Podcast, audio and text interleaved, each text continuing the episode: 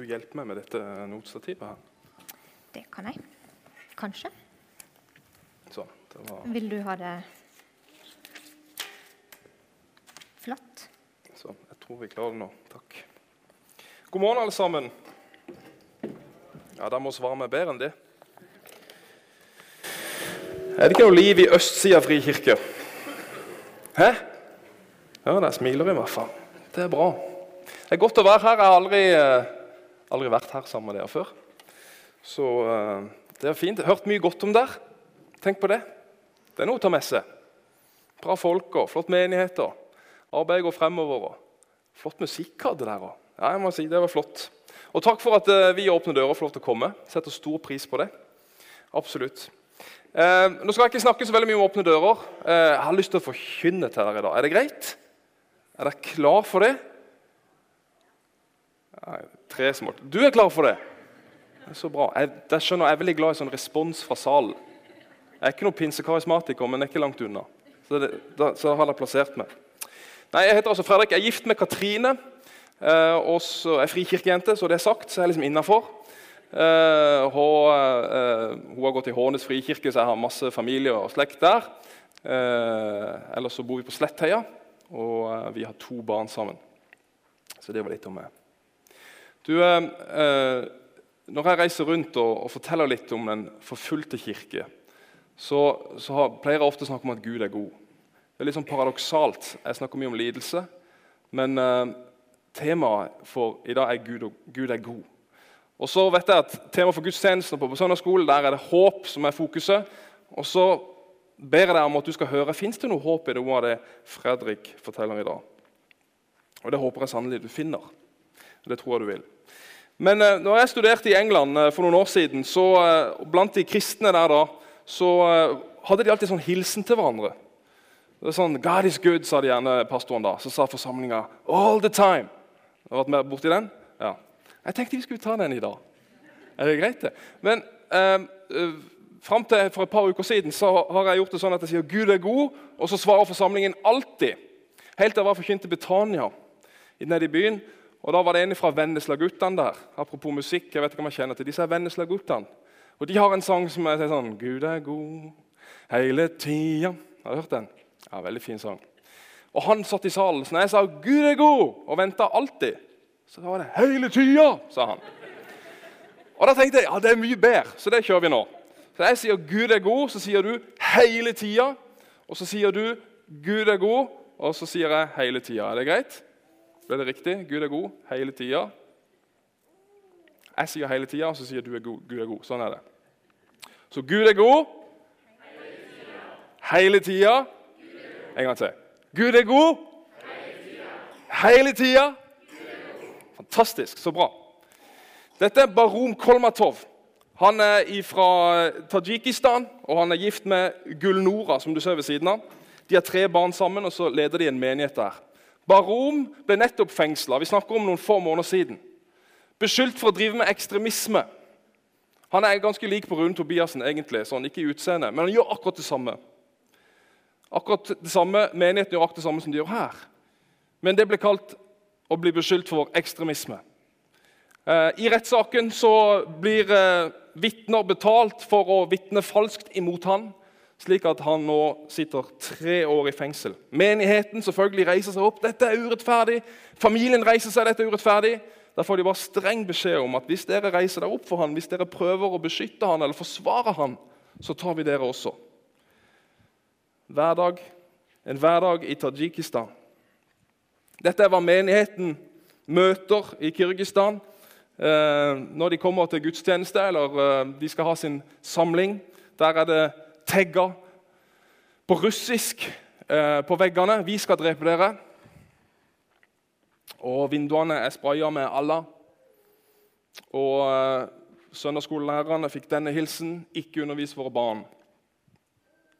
Jeg vet ikke hvordan du hadde følt det hvis det var sånn. Nå er jo ikke dette deres bygning. Men det gjør noe med en når han møter en sånn trussel som dette. Dette er Rena, hun i midten. Hun er 19 år. Hun vokst, når hun ble født inn i en hindufamilie.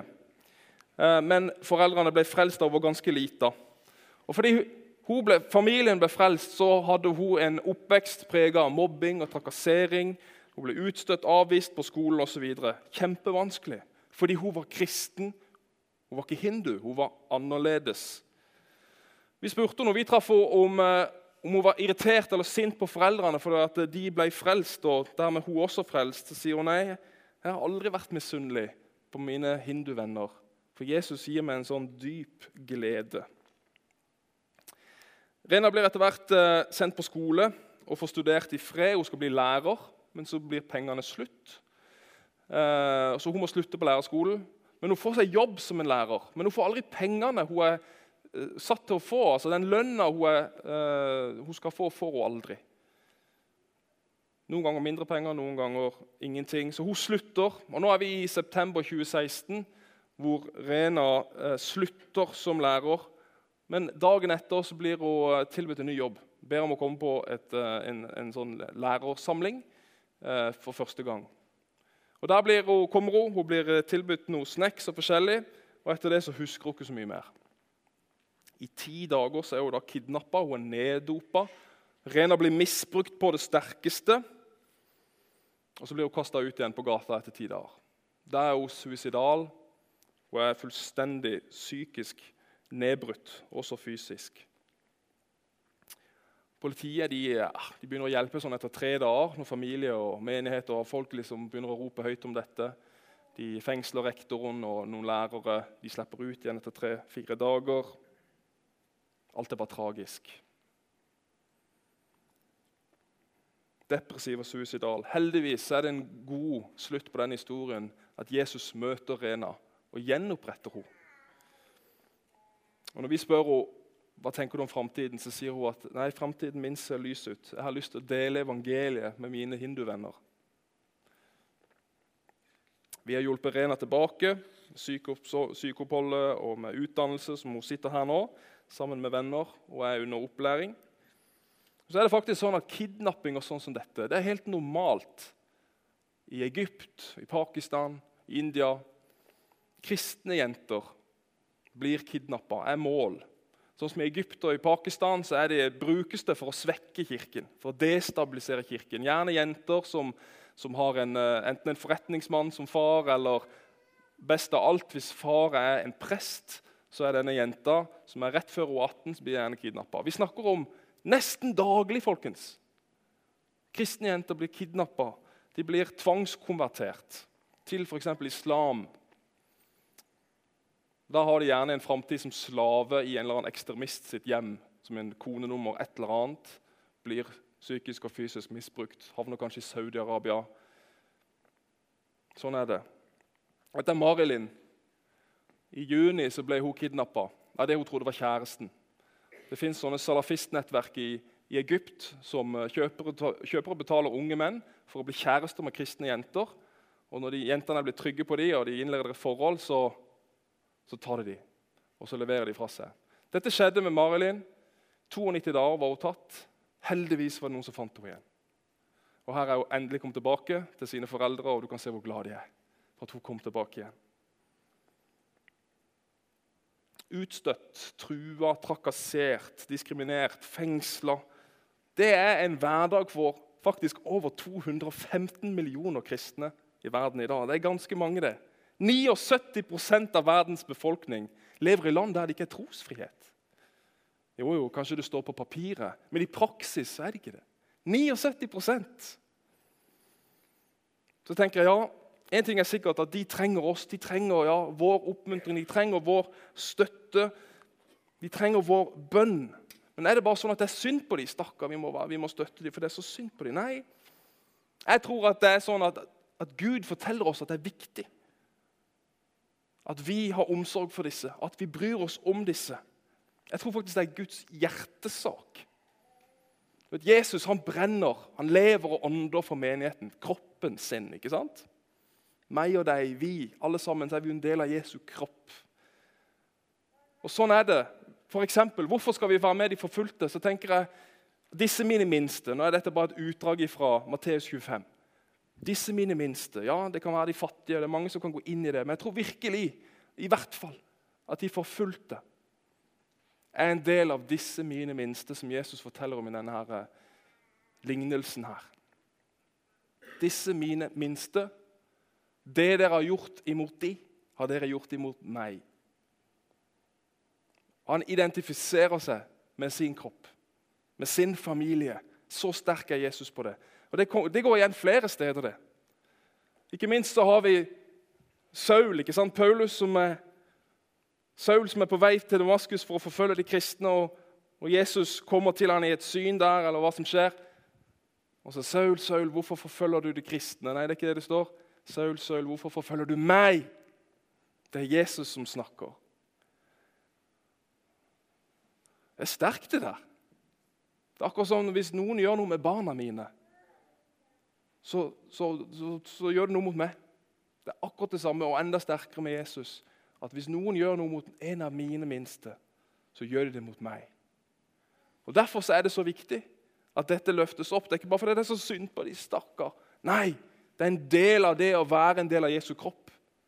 Når ett lem lider, så lider vi andre med, sier Paulus. Sånn er det. Og Derfor er vi her i dag, og da løfter dette opp. Og Takk for at dere inviterer oss inn til å gjøre det. Men så er det jo sånn at eh, ja, de trenger oss, men det er jo sånn vi trenger de. Dette er Mariam, hun er fra Egypt. For eh, ja, ett år siden akkurat nå cirka, så smalt det flere bomber i Egypt. Og um, Hun er 16 år. Hun var like utenfor kirken da det smalt. Hun skulle hjem og hente noe mat til sin far, som jobba som kirketjener i denne ortodokse kirken. Vom, så smeller det. Hun er utenfor uh, fare, men løper tilbake. Og Der blør hennes far i hjel i hennes fang. Hun er 16 år gammel. Og Når vi treffer henne flere måneder etter dette, så har tårene slutta å renne, men hun savner pappa masse. Og Derfor har hun dette smykket rundt halsen med bilde av sin far. Så tenker jeg, Nå møter vi en fullstendig knust jente, men det motsatte er sant. Hun sier jeg føler ikke pappa har forlatt meg. Jeg føler pappa heier på meg fra himmelen til, til å leve nær Gud. Jeg føler meg ikke alene. Jeg føler Jesus er med meg, og troen er styrka. Det er helt utrolig å sitte der og høre på Maria.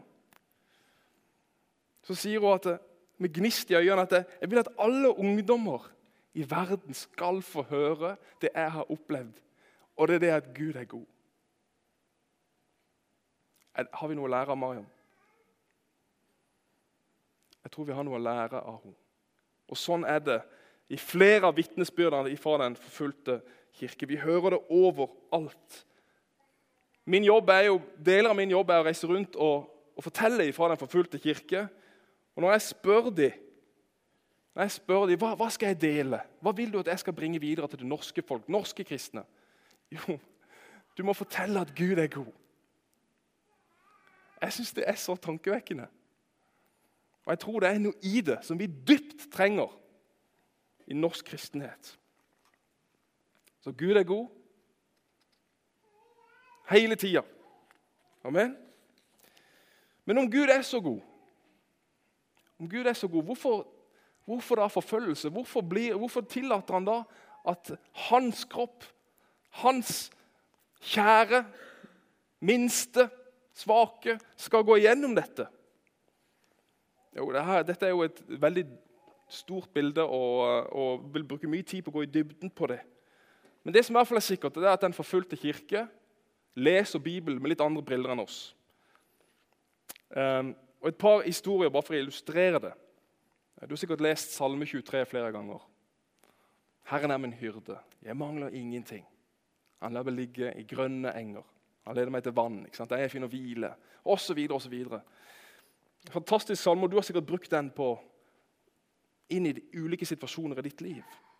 Men Det, det fins en, en, litt eldre historie i Åpne dører som forteller om en, om en, eh, en eh, evangelistfamilie i, eh, i, gamle Sovjet. Langt oppe i Sibir. Der skraper de sammen det de har av mat en kveld. De skal spise. De leser Salme 23 og ber før de skal spise maten. Og I det samme de skal begynne å spise, og de har sagt amen, så, eh, så stormer sikkerhetspolitiet inn døra. Og de skal ta til fange denne her evangelisten. Men da reiser han seg opp og så sier han, 'Tusen takk for at dere kommer hit og oppfyller Guds ord for oss.' 'For vi hadde satt fra mat på bordet, men vi har ingen fiender.' Ja, litt spesielt. Det står jo i Salme 23 at 'du dekker bord for meg like for mine fiender'. heter det i salmen. Selv, den, salmen har jo akkurat denne konteksten. tenker kanskje ikke vi så mye på, men Den er jo skrevet av David da han er på flukt fra Saul. Og han lever, ja, han lever som en flyktning. Gud har sagt at du skal bli konge. Han har blitt salva som konge. Og Han hadde sikkert eh, kjempeforventninger til det. Men så blir han drevet på flukt av den eksisterende kongen Saul. Mot alle forventninger og odds så er, så er det der han er. I denne smertens tid så skriver han denne fantastiske salmen. Og allikevel, selv den smerten, så fokuserer han på Guds godhet. Alt det vakre og det fredfulle som Gud omgir han med. Ikke minst at Gud var med han sant? midt i dødsskyggens dal. Han frykta ikke noe vondt.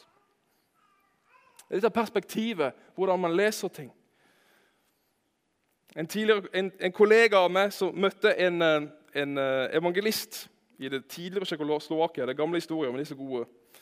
Eh, og denne Evangelisten hadde reist rundt der nede bare med deler av Nytestamentet. og Han forkynte sterkt, og det var, det var virkelig eh, mye som skjedde.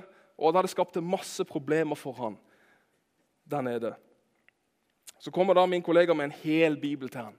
Vær så god, her har du en hel bibel. Så trykker den evangelisten Bibelen inn til hjertet sånn. Å, tusen takk. Hvor lenge har du hatt denne boka?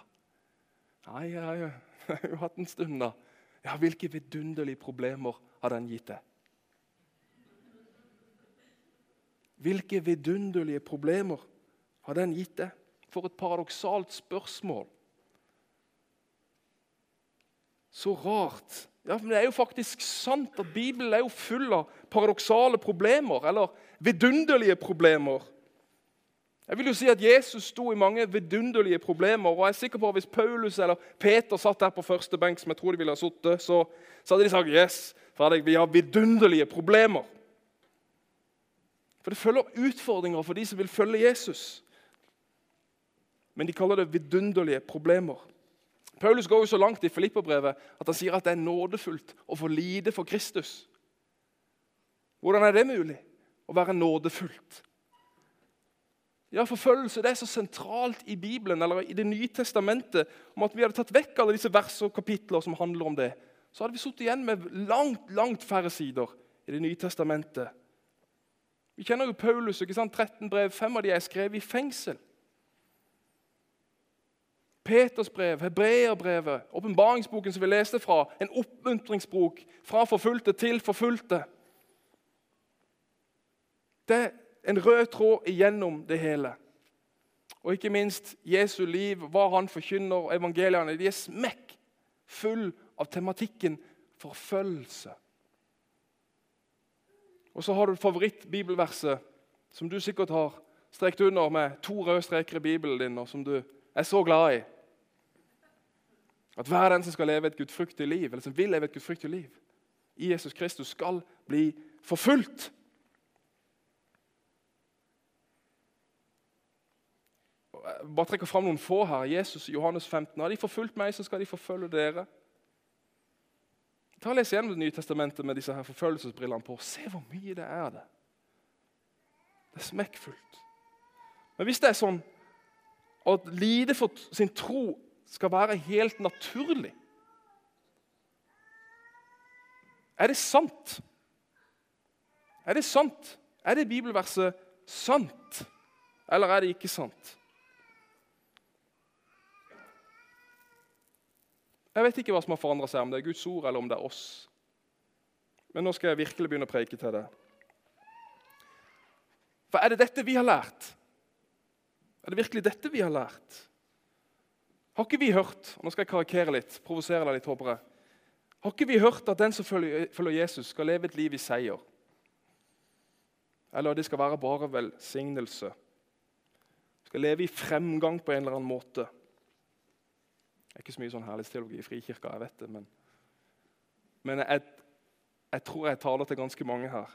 i hva vi forventer. At hvis, hvis, hvis vi bare møter motstand i livet Eller når smellene kommer, så er det sånn Gud, hvor er du hen? Det er jo ikke sånn det skal være. Jeg skal jo være skånt, skal jeg ikke det? Hvorfor skal jeg oppleve lidelse? Jeg er jo din, på en måte. Jeg, jeg føler at det ligger litt der. Er dette velsignelse, Gud? Jeg tror kanskje noe av grunnen til det er at den kulturen og den historien vi er en del av, den henger jo sammen med at Kirken fikk maktposisjon. Du vet, De første 300-400 år så ble kristne hardt, hardt forfulgt. Kolosseum, spist av løver, de nekta å slåss. sant? De nekta å stå imot. De ga sine liv og radikal kjærlighet. Det, ble, det står i Bibelen vi regnes som slaktesauer. Vi drepes dagen lang.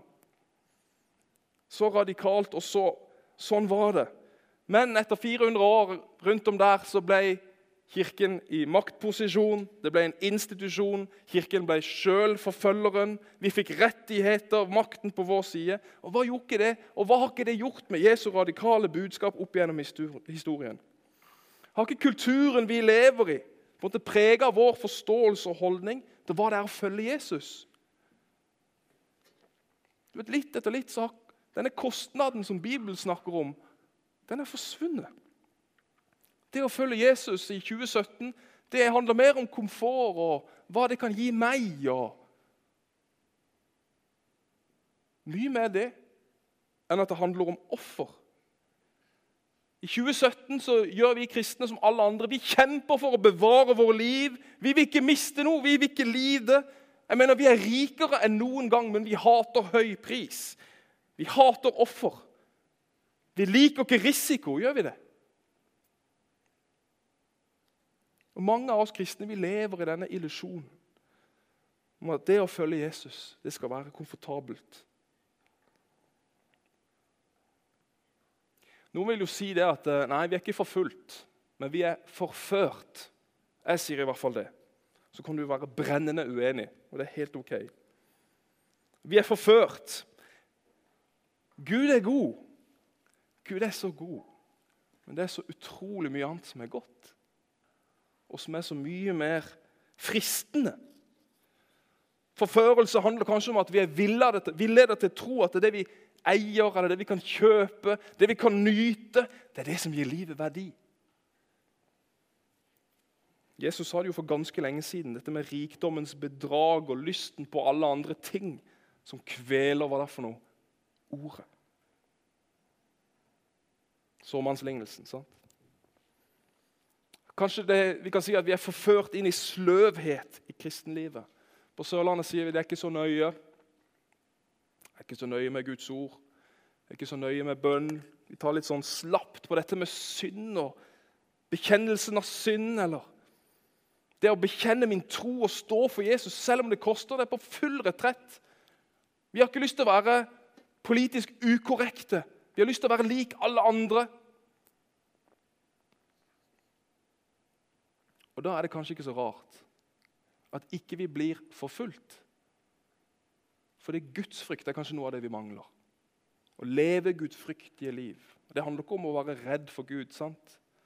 men det handler om å være så glad i Jesus at mine handlinger og mitt liv begynner å ligne på hans. At jeg våger, i kjærlighet til han, om å virkelig gå for det.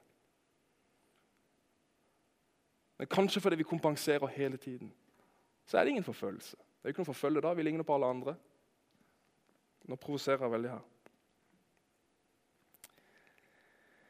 Den forfulgte kirke sier de er livredd for forførelsen. De sier forfølgelsen den er beintøff og kan virkelig ødelegge og ramme hardt. Men den leder oss bare nærmere Jesus. Mens forførelsen, den er ekkel. For hvor leder den oss hen? Hvor blir det av oss? Hvor forankrer vi våre liv i den? Og Kanskje er det egentlig ikke så rart at kirken er på full retur i Vesten, mens den store kirkeveksten den finner vi i land der det er tøft å være kristen. For det er jo faktisk sånn at Guds rike det er opp ned. Det er liksom der det er motstand. Det vokser. Det er rart, det der. Det er ikke nødvendigvis sånn at der det er velstand og der alt er greit, det er der det vokser. Nei, det er jo der vi sliter på en måte. Og det er litt sånn at seier, veien til fremgang, til å lykkes i kristenlivet eller i Guds rike, det om altså det, det oppnår vi ikke med bomber eller med murer eller med muskler og med rettigheter og politisk makt. Det er ikke det som betyr noe i Guds rike. For når Gud spenner sin allmektige biceps ikke sant? Det, det, det er ikke som Arnold Schwarzenegger, kroppsbyggeren. eller Det ser ikke ut som et amerikansk hangarskip i det hele tatt. Men det er jo Jesus Kristus som gir sitt liv døende på et kors. Han gir sitt liv som et offer for oss. En evig, grenseløs, altoppofrende kjærlighet. Det er jo det det er. Golgata kors er jo det ultimate eksempel på hvordan Gud seirer. Amen. Samtidig Samtidig som det er vårt kall. Samtidig som det er vårt kall, eller vårt eksempel til etterlevelse. Vi skulle jo være folket av korset. Ikke bare gå med det fordi det er fint, men vi skulle, vi skulle stole på korsets kraft på korsets eksempel og leve det ut. Leve ut den altoppofrende kjærlighet. Fordi han har jo gitt oss nytt liv. Og da er Det ikke sånn, det skulle ikke handle om meg, det nye livet vårt. Det skal ikke handle om oss. Når vi gir vårt liv til Gud, så er det ikke Gud kommer inn i min agenda. Det er så vestlig, vet du. Nå er Gud på min agenda. Nei, jeg får lov til å være med på hans agenda. Jeg får skrive hans historie, ikke min. Og så får jeg leve i det oppstandelseslivet sammen med han som er fylt med håp. Som er fylt med kjærlighet og glede. Ja, det vil være lidelse. Det vil ikke bare være framgang, det vil være lidelse. Det koster, men han har lovt meg jo Det er i hvert fall fred. Det er kjærlighet. Det er glede. Han skal være med meg igjennom alt. Men å følge den korsets vei det ser så usselt, det ser så svakt ut. Kan det virkelig gi noen resultater? Og så kjemper vi imot det der hele veien. Vi vil ha den kontrollen selv. Vi vil stå opp for rettigheter. Vi søker makt og posisjon. Men så sier Jesus den som vil finne sitt liv, den må miste det. Mist ditt liv, så skal du finne det. Eller ta opp ditt kors. Fornekt deg selv og følg etter meg. Og jeg tenker Det er dette korset vi er kalt å bære sammen med våre forfulgte søsken der ute. Det tenker jeg kan være noe av vår respons. Ja, vi kan be, ja, vi kan gi. Vi kan snakke for dem på vegne av menneskerettigheter og trosfrihet osv. Men min viktigste respons synes jeg, det blir å leve det livet som de lever, i min kultur og i min hverdag. Men Spørsmålet er om jeg, om jeg eller du opplever at Gud er så god at det er verdt det. Eller er det disse andre tingene som frister mest? Er Gud så god i ditt liv at du er klar til å ta de konsekvensene som det blir ved å leve et gudfryktig liv? Barom Kolmatov, som jeg viste helt i starten, han sier 'be for familien min'. Jeg er klar for å ta de tre årene. For en holdning. Eller Rena, som ble kidnappa i, i, ti dager. Som Jesus møter, og som liksom sitter igjen med en brann for å nå ut til de som har skada henne. Eller menigheten i Turkmenistan som kom til dette her, disse drapstruslene, de feirer fortsatt gudstjeneste der. Og Hvordan er det med oss? Nå skal vi se en film helt til slutt som tar opp noe av dette. Det er en historie på rundt fire minutter som jeg håper du er med på å se. Så kan vi be til slutt.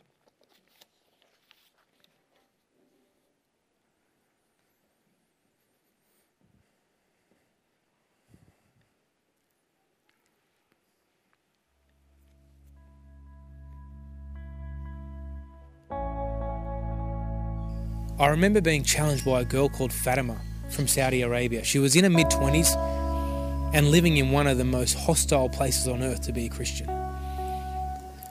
She'd not always been a Christian, in fact, she started life as a Muslim. It wasn't long after this that Fatima began blogging, began getting online and writing blogs for, for her friends to read. She wanted to share her newfound excitement for God. She would do it under an alias called Rania, which translated means contented. To protect her from the multitude of insults and responses that she would get, I remember on one occasion she received the following reply, and it says, You worship a foolish, crucified, cursed Lord. If I had you in my hands, I would slaughter you twice. Fatima responded with this To those who become Christians, how you are so cruel. And the Messiah says, Blessed are the persecuted. And by God, I am unto death a Christian. It wasn't long after this series of blogs that Fatima decided to tell her family that she'd become Christian. When she told them about her decision to follow Jesus, an argument broke out. And the next day, Fatima returned from a family function to find that her brother had broken into her room and was actually sitting on her laptop.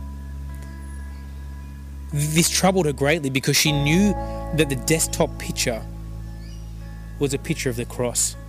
Many of her writings and blogs were sitting open on her desktop.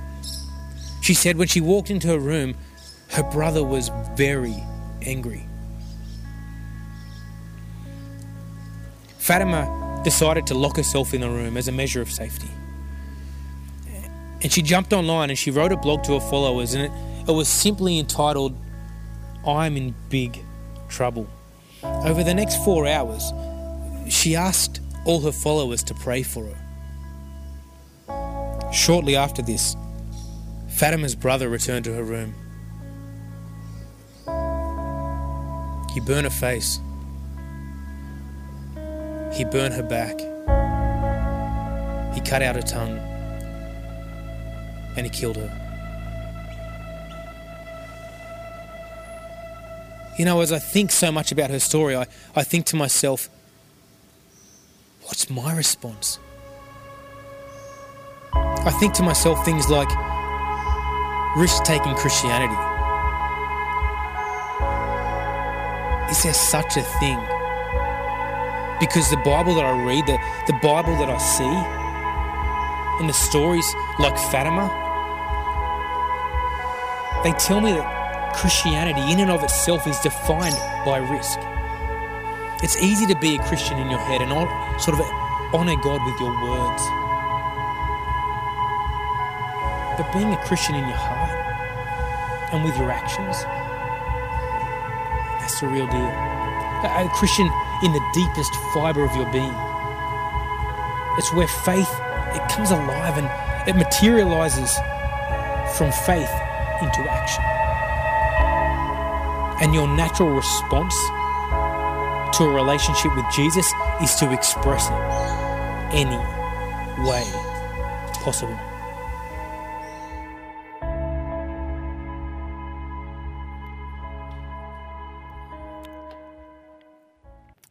Jesus, vi eh, Takk for at du er en god Gud, Herre. Hjelp oss, Herre, å se at du er god. Herre, vi som eh, altfor ofte er så mett.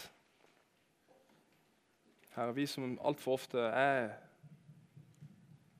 fylt med andre ting, Herre. Hjelp oss å se at du er, du er god. Så ber jeg Herre om at du skal vise deg som en god Gud for oss alle, Herre, om ikke vi har erfart det. Så ber jeg Herre for hver og en av oss at uh, i dag så skal vi få lov til å ta med oss Herre, disse utfordrende ord. Og så må du gjøre ditt verk, Herre. Hjelp oss, jeg ber. Amen.